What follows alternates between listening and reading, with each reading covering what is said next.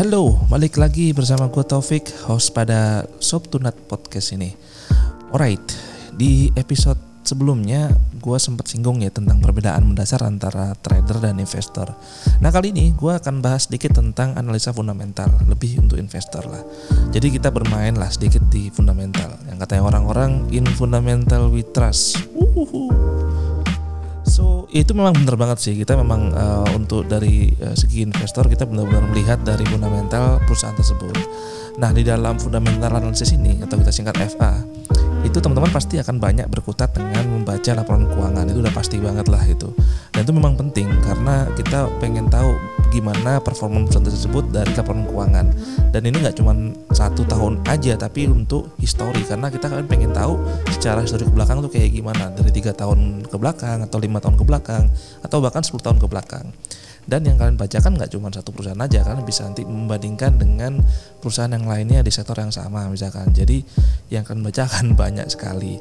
Nah karena yang nanti dibacakan banyak supaya mempermudah untuk menangkap informasi dan kita bisa menyimpulkan suatu kesimpulan itu membaca perusahaannya bisa menggunakan rasio-rasio Nah di episode kali ini gue akan cerita tentang rasio-rasio apa yang gue pakai, gimana caranya, uh, dan uh, supaya nanti kita bisa memfilter saham-saham mana yang nanti bisa kita buat keputusan berikutnya. I'll be right back, stay tune.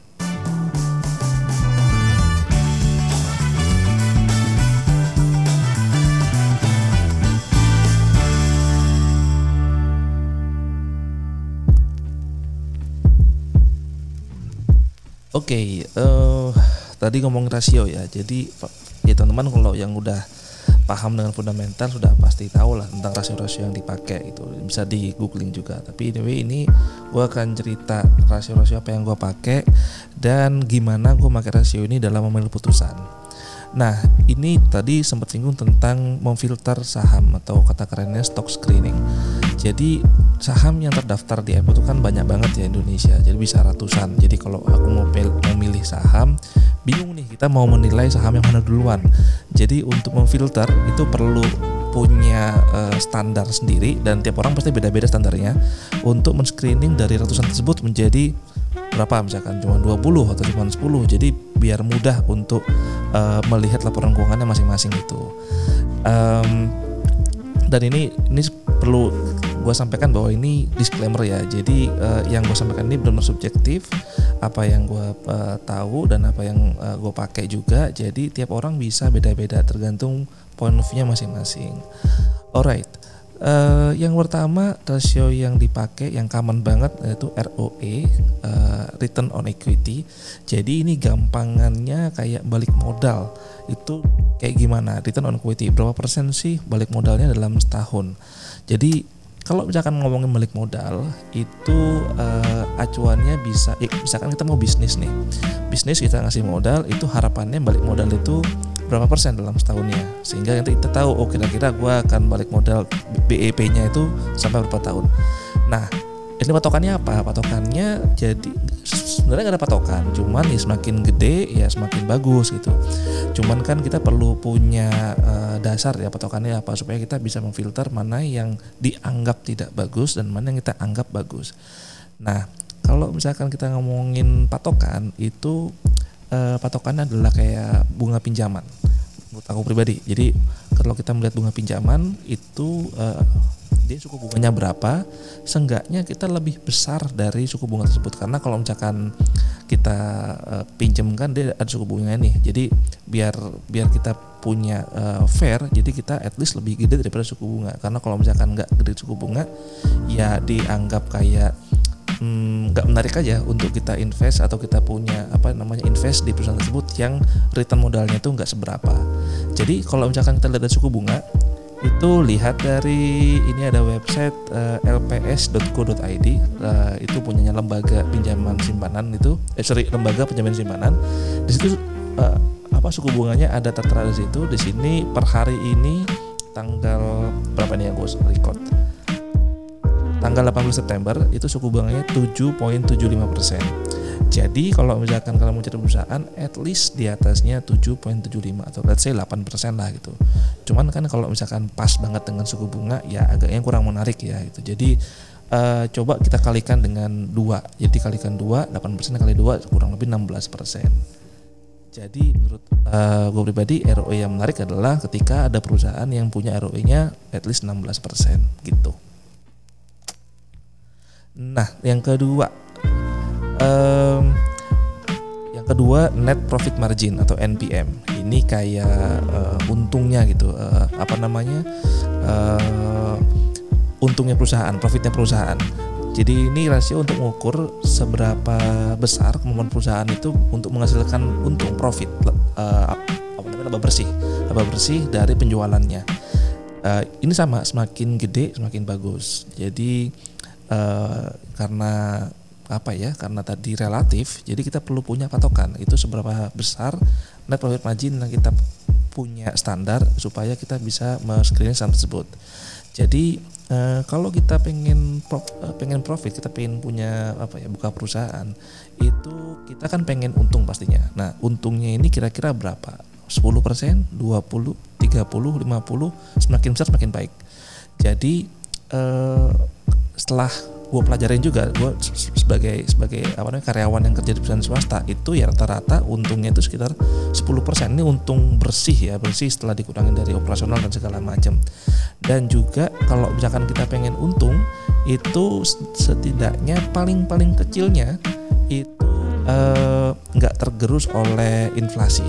Itu paling wajar. Jadi uh, ya kita pengennya pengen untung ya jadi seenggaknya nggak tergerus oleh inflasi nah kita cek inflasi Indonesia ini itu berapa nah setelah gua cek dari websitenya bi.co.id Bank Indonesia itu inflasinya di bulan Agustus 2020 itu sekitar 1.32 persen Cuman kalau misalkan untungnya cuma kayak satu setengah persen aja itu kan ya kurang menarik kan. Jadi kita nggak bisa nge-refer ke inflasi-inflasi banget lah gitu. Jadi at least kita di atasnya itu. Terus apa lagi? Uh, untungnya kalau misalkan 4% gimana gitu? 4% masih untung masih oke okay, masih di atasnya inflasi. Tapi kalau misalkan kita punya perusahaan yang untung cuma 4% ya lebih baik uh, apa namanya perusahaan itu diliquidkan dijual semua asetnya ditaruh deposito yang mana untungnya masih bisa di atas 6% jadi uh, kita sekarang patokannya nggak lagi inflasi tapi di deposito rate lah gitu. Kita cari deposito mana yang paling mahal let's say 6% atau lebih gitu. Jadi oke okay, kita sekarang punya patokan bahwa perusahaan yang untungnya agak lumayan itu seenggaknya lebih besar dari rate-nya deposito yang paling tinggi saat itu. Misalkan di angka 6 atau 8%. Jadi aku kayak asumsinya kita set di NPM-nya ini net profit margin ada di angka ya kurang lebih 8 sampai 10%. Oke, yang ketiga.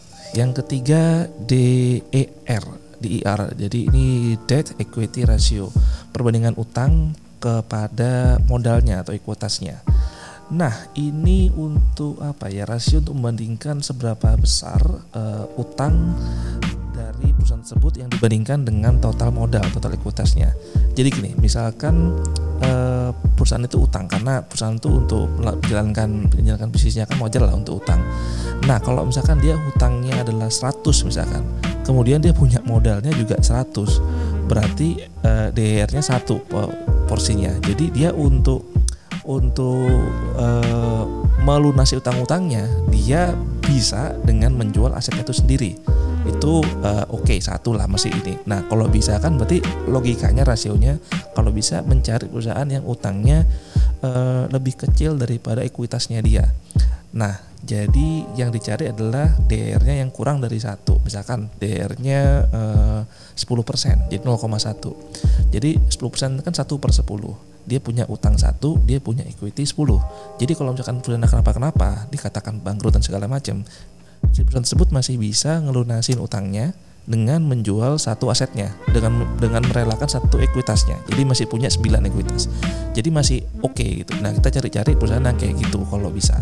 Tapi ini disclaimer lagi nggak semua perusahaan yang utangnya tinggi yang DR-nya tinggi itu jelek. Nggak juga. Karena perusahaan-perusahaan seperti perbankan itu udah pasti DR-nya tinggi. Karena bank itu memang prinsipnya utang. Kita kan kalau nabung kan utang. Utang uh, untuk bank ke kita gitu kan. Terus habis itu perusahaan-perusahaan seperti infrastruktur rata-rata sih daerahnya tinggi karena mereka perlu uang dulu untuk membangun uh, apa apa pun infrastrukturnya uh, biar jadi baru duitnya belakangan uh, dapatnya. Itu pasti DR-nya tinggi juga. Jadi nggak semua sektor itu DR-nya tinggi itu adalah jelek tapi rata-rata kalau misalkan untuk untuk saham-saham yang consumer goods misalkan itu yang biasanya DR-nya bisa rendah Nah, kalau misalkan sektornya semuanya rendah, cari yang DR-nya kurang lebih uh, di bawah satu lah gitu. Jadi kalau buat ngefilter, kalau bisa uh, utangnya itu apa namanya kurang dari satu uh, apa DR-nya. Nah, terus yang keempat, ini PBV, price to book value. Ini pasti kalian udah sering dengar banget lah ya. Jadi rasio terhadap apa rasio harga saham, harga stoknya itu terhadap nilai bukunya. Nah ini uh, sebenarnya gini, kan kita punya punya apa ya uh, perusahaan tuh punya punya harga yang dihargai oleh harga saham per lembarnya. Nah uh, book value itu seperti uh, uh, harga perusahaan itu kalau misalkan dibukukan, kemudian dihargai berapa? Uh, Oke, okay, misalkan kalau nggak main ribet, misalkan aku naruh HP ya handphone, misalkan iPhone iPhone ini misalkan harga standarnya book value-nya misalkan 1000. Oke, okay? kalau misalkan harganya 1000, book value-nya 1000 misalkan, kemudian di toko dihargakan 1000 juga. Berarti PBV-nya satu karena harga per book value-nya satu, 1000 per 1000. Kemudian ada toko lagi, misalkan tokonya ada di dalam mall misalkan, dihargainnya 1200 padahal harga yang kita tahu book value-nya itu 1000 berarti dia PBV-nya 1200 dibagi 1000 1,2 jadi dia relatif lebih mahal daripada harga book value-nya. Kemudian misalkan ada lagi dijual di airport misalkan. Dia dijualnya 1500 yang kita tahu juga harga sebenarnya book value-nya 1000 berarti dia di airport harganya 1,5 apa 1500 berarti PBV-nya 1,5 uh, dari dari dari harga buku uh, book value-nya. Berarti di sana lebih mahal, relatif lebih mahal daripada harga aslinya. Nah, itu buat buat melihat bahwa uh, berapa kali sih harga uh, book harga saham ini apa dihargain oleh oleh pasar itu. Ada yang satu kali, ada yang kurang satu kali, ada yang kalau misalkan harga saham udah bagus, dia bisa berkali-kali lipat dari harga book value-nya. Nah ini juga nggak ada standar yang banget lah ya, yang yang saklek banget. Jadi kalau bisa pun kita mencari yang less than one, kurang dari satu. Berarti kalau kurang satu, dia dihargain lebih rendah dari harga book value-nya. Nah, tapi ini nggak semuanya bisa bisa relevan. Karena kalau misalkan harganya saham uh, sorry sahamnya mahal gitu kita bisa mencari kayak historinya. Dari tiga tahun lima tahun 10 tahun belakang itu kayak gimana? Apakah memang segitu PBV-nya atau atau lagi turun atau lagi naik? Nah itu bisa dibuat menjadi patokan.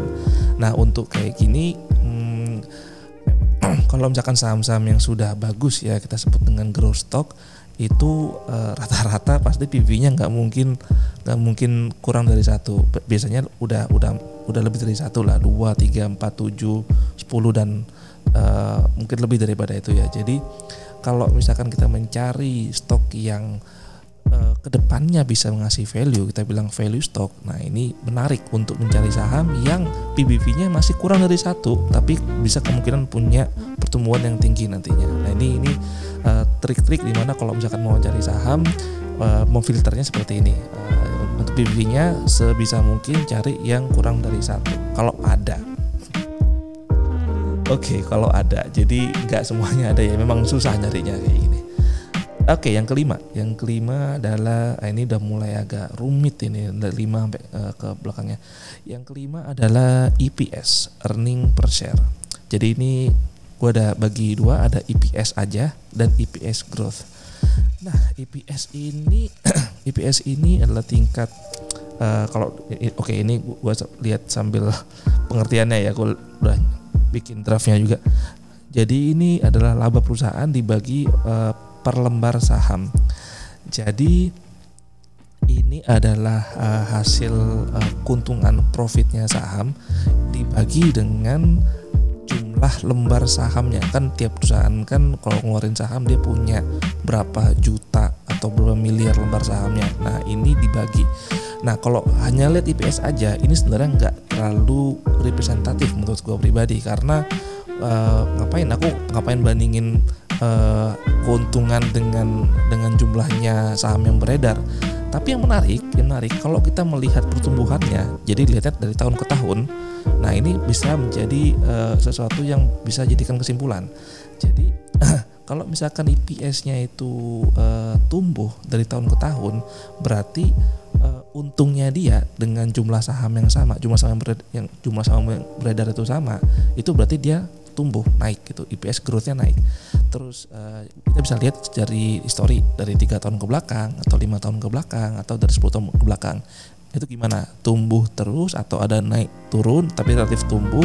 Atau malah kalau misalkan kalian bisa cari yang unik nih cari yang uh, mungkin IPS-nya bahkan bisa minus. Lo kok bisa minus? Ya soalnya misalkan earningnya dulu pernah minus nih negatif itu. Tapi misalkan di dalam tiga atau empat tahun ke belakang minusnya semakin uh, apa namanya semakin uh, kurang. Maksudnya semakin nggak minus semakin mendekati nol lah gitu. Jadi uh, misalkan tiga tahunnya minus tahun dua tahun berikutnya adalah minus juga pas tahun kemarin misalkan jadi zero jadi plus atau jadi uh, apa positif plus. Jadi kan dia growthnya naik gitu ya. Jadi ini yang menarik. Kalau misalkan kita bisa melihat EPS growthnya dari tahun ke tahun itu bisa uh, naik. Berarti perusahaan tersebut uh, dari histori earningnya dia tambah terhadap jumlah saham yang beredar. Itu. Oke yang keenam ini PER PR uh, ini price earning ratio.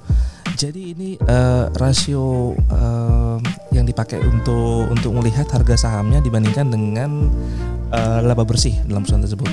Uh, jadi ini setiap setiap lembar sahamnya itu uh, per ini mengindikasikan bahwa harga saham ini uh, setara dengan berapa kalinya pendapatan atau profitnya dalam setahun.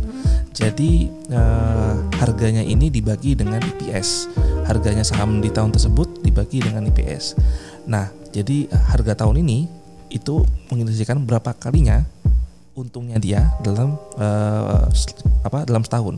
Jadi misalkan kalau harganya ini dibagi EPS, ini nanti akan equal dengan angka ya angka satuan 1 2 3 sampai 10 bahkan sampai lebih dari eh, uh, 10 ataupun 20. Jadi kalau misalkan aku ngelihatnya, kalau misalkan pernya let's, let's say uh, 10, jadi uh, ini punya arti bahwa harga saham saat ini itu sama dengan 10 kalinya profit selama setahun di perusahaan tersebut itu. Jadi atau enggak sama dengan pendapatan yang bersih itu selama 10 tahun. Jadi semakin tingginya per maka hmm, kalau aku lihat sih kayak balik modal sih ya. Uh, mirip dengan kayak balik modal. Jadi kalau semakin tingginya per maka semakin uh, lama kita balik modalnya untuk mendapatkan uh, uh, apa nih dari untung itu mendapatkan harga yang sama kayak kita invest saat ini gitu. Jadi kalau mau melihat yang cepat yang bagus ya kalau bisa pernya satu. Tapi kayaknya nggak mungkin ada perusahaan yang besar yang modalnya miliaran triliunan bisa balikin modal dalam setahun itu kayaknya impossible lah gitu. Kita make sense aja kita bisnis pasti punya uh, long term. Jadi mau berapa tahun? 2, 3, 5, 10 ya rata-rata sih untuk perusahaan-perusahaan gede ketika mereka invest dia pasti untuk long term untuk 10 tahun, untuk 20 tahun, bahkan untuk 40 tahun, 50 tahun ke uh, mendatang. Nah, untuk mencari uh, perusahaan yang yang yang bagus pastinya yang full stock itu rata-rata sih uh, pernya udah udah tinggi semua ya gitu. Udah 20 bahkan ada yang hampir 40 jadi uh, menurut aku cukup fair kalau kita melihat yang uh, pernya at least uh, 10 lah gitu. Kalau bisa di bawah 10 kalau bisa. Nah, itu masih bisa mencari perusahaan-perusahaan mana yang pernya masih di bawah 10 tapi nanti ketika di bawah 10 pasti nanti ada perusahaan-perusahaan yang bagus yang kelewat nggak ikut ke filter. Karena apa ya? Karena kita udah nggak lagi melihat perusahaan-perusahaan yang uh, terlalu lama nanti untuk balik modalnya. Atau misalkan terlalu mahal gitu. Jadi ini Juga bisa dikatakan sebagai uh, saham yang terlalu mahal juga karena tadi dia ada kaitannya dengan price ya harga saham sini. Jadi kalau sahamnya juga lagi pas mahal ya otomatis Pera juga mahal. Jadi uh, kita nggak lihat ke sana. Jadi ini bisa dipakai juga untuk melihat ke apa namanya apakah saham itu termasuk mahal apa enggak harganya di waktu tahun tersebut ya. Jadi ini juga bisa dipakai kayak gitu. Oke, yang ketujuh ini udah makin rumit lagi. Ini PEG uh, price earning to growth ratio. Jadi ini perbandingan dari PER yang tadi kita bahas barusan dengan EPS growth yang kita barusan yang sebelumnya lagi yang nomor 5 tadi. Jadi ini perbandingan antara PER itu sendiri dengan EPS EPS growth. Ingat ya ini EPS growth. Jadi pertama kalian perlu cari dulu EPS growth-nya uh, dari dari uh, apa namanya saham tersebut. EPS growth ini bisa tiga tahun, bisa dua tahun, bisa juga uh, 10 tahun tergantung teman-teman mau carinya mau berapa lama dari historinya. Udah dapat nih EPS growth-nya rata-rata. Kemudian uh, baru di, dijadikan rasio di bawahnya di uh, ambil pernya, ambil pernya kemudian dibagikan oleh PS growth. Nah rasio ini itu untuk apa sih? Jadi rasio ini itu untuk uh, mempertimbangkan uh, pendapatan saat ini pernya dengan pertumbuhannya. Kayak gimana. Jadi biasanya ini kan kalau misalkan uh, ada perusahaan yang bagus, harganya naik, diikutin juga oleh uh, apa namanya uh, untungnya juga naik juga. Jadi untungnya akan akan akan growth jadi akan seimbang. Nah uh, tadi kan kita sempat me, me, me, punya punya sense ya di mana kalau kita mau membandingkan perusahaan tuh mesti dengan sektornya.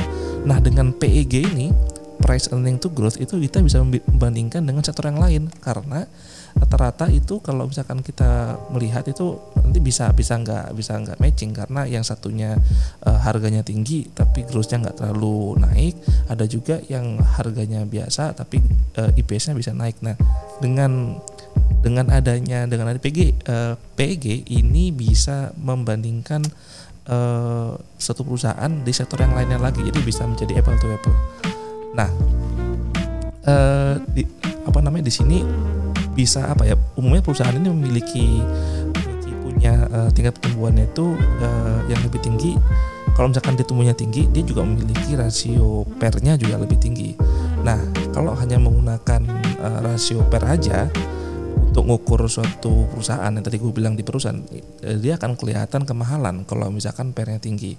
Nah kalau kita bagi dengan uh, EPS dengan growth-nya, nah ini akan lebih menarik lagi karena dia uh, bisa dibandingkan dengan perusahaan yang lainnya dengan tingkat umur yang berbeda. Nah biasanya uh, biasanya rasio PEG ini kalau misalkan untuk saham-saham yang yang kita anggap uh, masih nggak terlalu mahal tapi tetap growth itu uh, rasionya kurang dari satu. Jadi 0, sekian 0,7 0,5 0,8 semakin kecil semakin menarik sebenarnya karena harganya masih dianggap masih murah tapi dia masih ada growth. Itu semakin kecil semakin murah. Nah kalau IPS-nya uh, eh, untuk eh sorry un, kalau PEG-nya untuk saham-saham yang dianggap bagus ya growth stock itu rata-rata. Nah karena ini, ini uh, karena pernya dia uh, tinggi dan IPS juga tinggi jadi dia masih seimbang masih masih ngimbangin. Cuman biasanya nggak nggak nggak akan kurang dari satu. Nah dia pasti lebih dari satu. At least biasanya between satu sampai tiga. Nah ini bukan bukan yang nggak bagus tapi memang bagus. Cuman memang kebetulan harganya memang tinggi. Kenapa tinggi? Ya karena mereka growth stock. Karena mereka saham-saham yang dianggap uh, mahal di marketnya. Nah ini bisa menjadi patokan juga untuk saham yang dirasa satu kemahalan banget atau dua IPS growth-nya nggak tumbuh, nggak nggak ada. Jadi kalau misalkan uh, PEG-nya dinilai lebih dari tiga, bisa 5, 7 dan segala macamnya. Nah ini either price-nya super super mahal atau EPS-nya, EPS growth-nya nggak ada sama sekali. Jadi hampir mendekati nol, jadi nggak ada growth-nya. Ini juga jelek. Jadi bisa dilihat bahwa kalau nggak ada growth-nya kan juga jelek. Pasti kita nggak mau ke sana. Dan juga kalau misalkan price-nya kemahalan banget juga kita nggak mau ke sana. Jadi kita lupakanlah itu. Jadi kalau bisa mencari yang uh, either kurang dari satu atau enggak between uh, satu sampai tiga. Yang terakhir, yang terakhir ngomongin tentang dividen. Nah ini uh, eh, gue punya pendapat pribadi tentang dividen karena uh, di, di di luar kan misalnya di di, di yang teman kalian tahu juga ada namanya dividen yield, ada namanya dividen payout ratio. Nah, gue pribadi sih mencari yang mana perusahaan itu membagikan dividen secara teratur. Nah, ini nggak ada rasionya, tapi bisa dicari mana perusahaan yang membagikan dividen secara teratur. Itu menurut gue adalah eh, perusahaan yang uh, komit gitu karena dividen itu kan nggak wajib sebenarnya untuk perusahaan. Jadi ada perusahaan yang uh, tetap bagi dividen ada juga yang bagi terus kosong terus bagi lagi kosong lagi. Jadi nggak teratur. Nah lebih apa ya le, kayak lebih confident aja untuk untuk memilih perusahaan yang membagi dividen secara teratur.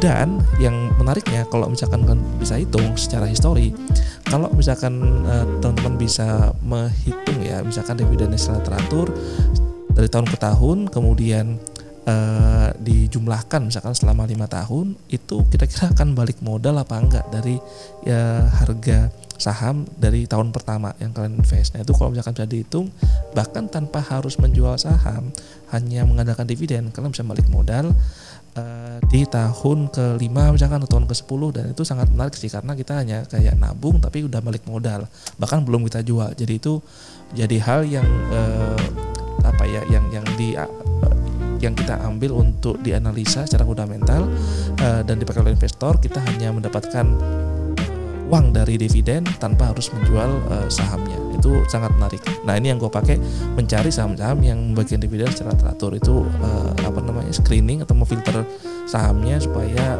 nggak uh, terlalu banyak yang gue periksa. Itu. Oke, okay, aduh panjang sekali ngobrolnya nih. Oke, okay, jadi um, itu tadi yang yang gue pakai ada 8 kriteria yang yang gue pakai pribadi untuk memfilter saham-saham mana aja yang nanti akan gue uh, baca atau memutuskan apakah gue akan enter uh, entry atau tidak masuk atau tidak. Dan dari situ biasanya aku baru baca laporan keuangannya terus memahami lagi perusahaannya kayak gimana memahami produknya terus uh, ya kayak kepoin lah kepoin uh, perusahaan tersebut dari dari website. Jadi uh, terus melihat gimana harga sahamnya terus gimana kemarin-kemarinnya jadi uh, dari situ sudah mulai mulai mudah karena kita sudah punya uh, patokan di mana uh, ini adalah apa namanya rasio-rasio yang yang dipakai untuk mengambil uh, apa ya uh, saham yang kita anggap bagus itu yang kita punya uh, ekspektasi akan seperti ini gitu Alright, uh, sampai ketemu di next episode ya. Uh, kita sekian dulu. Saya pamit undur diri. Sampai jumpa. Bye bye.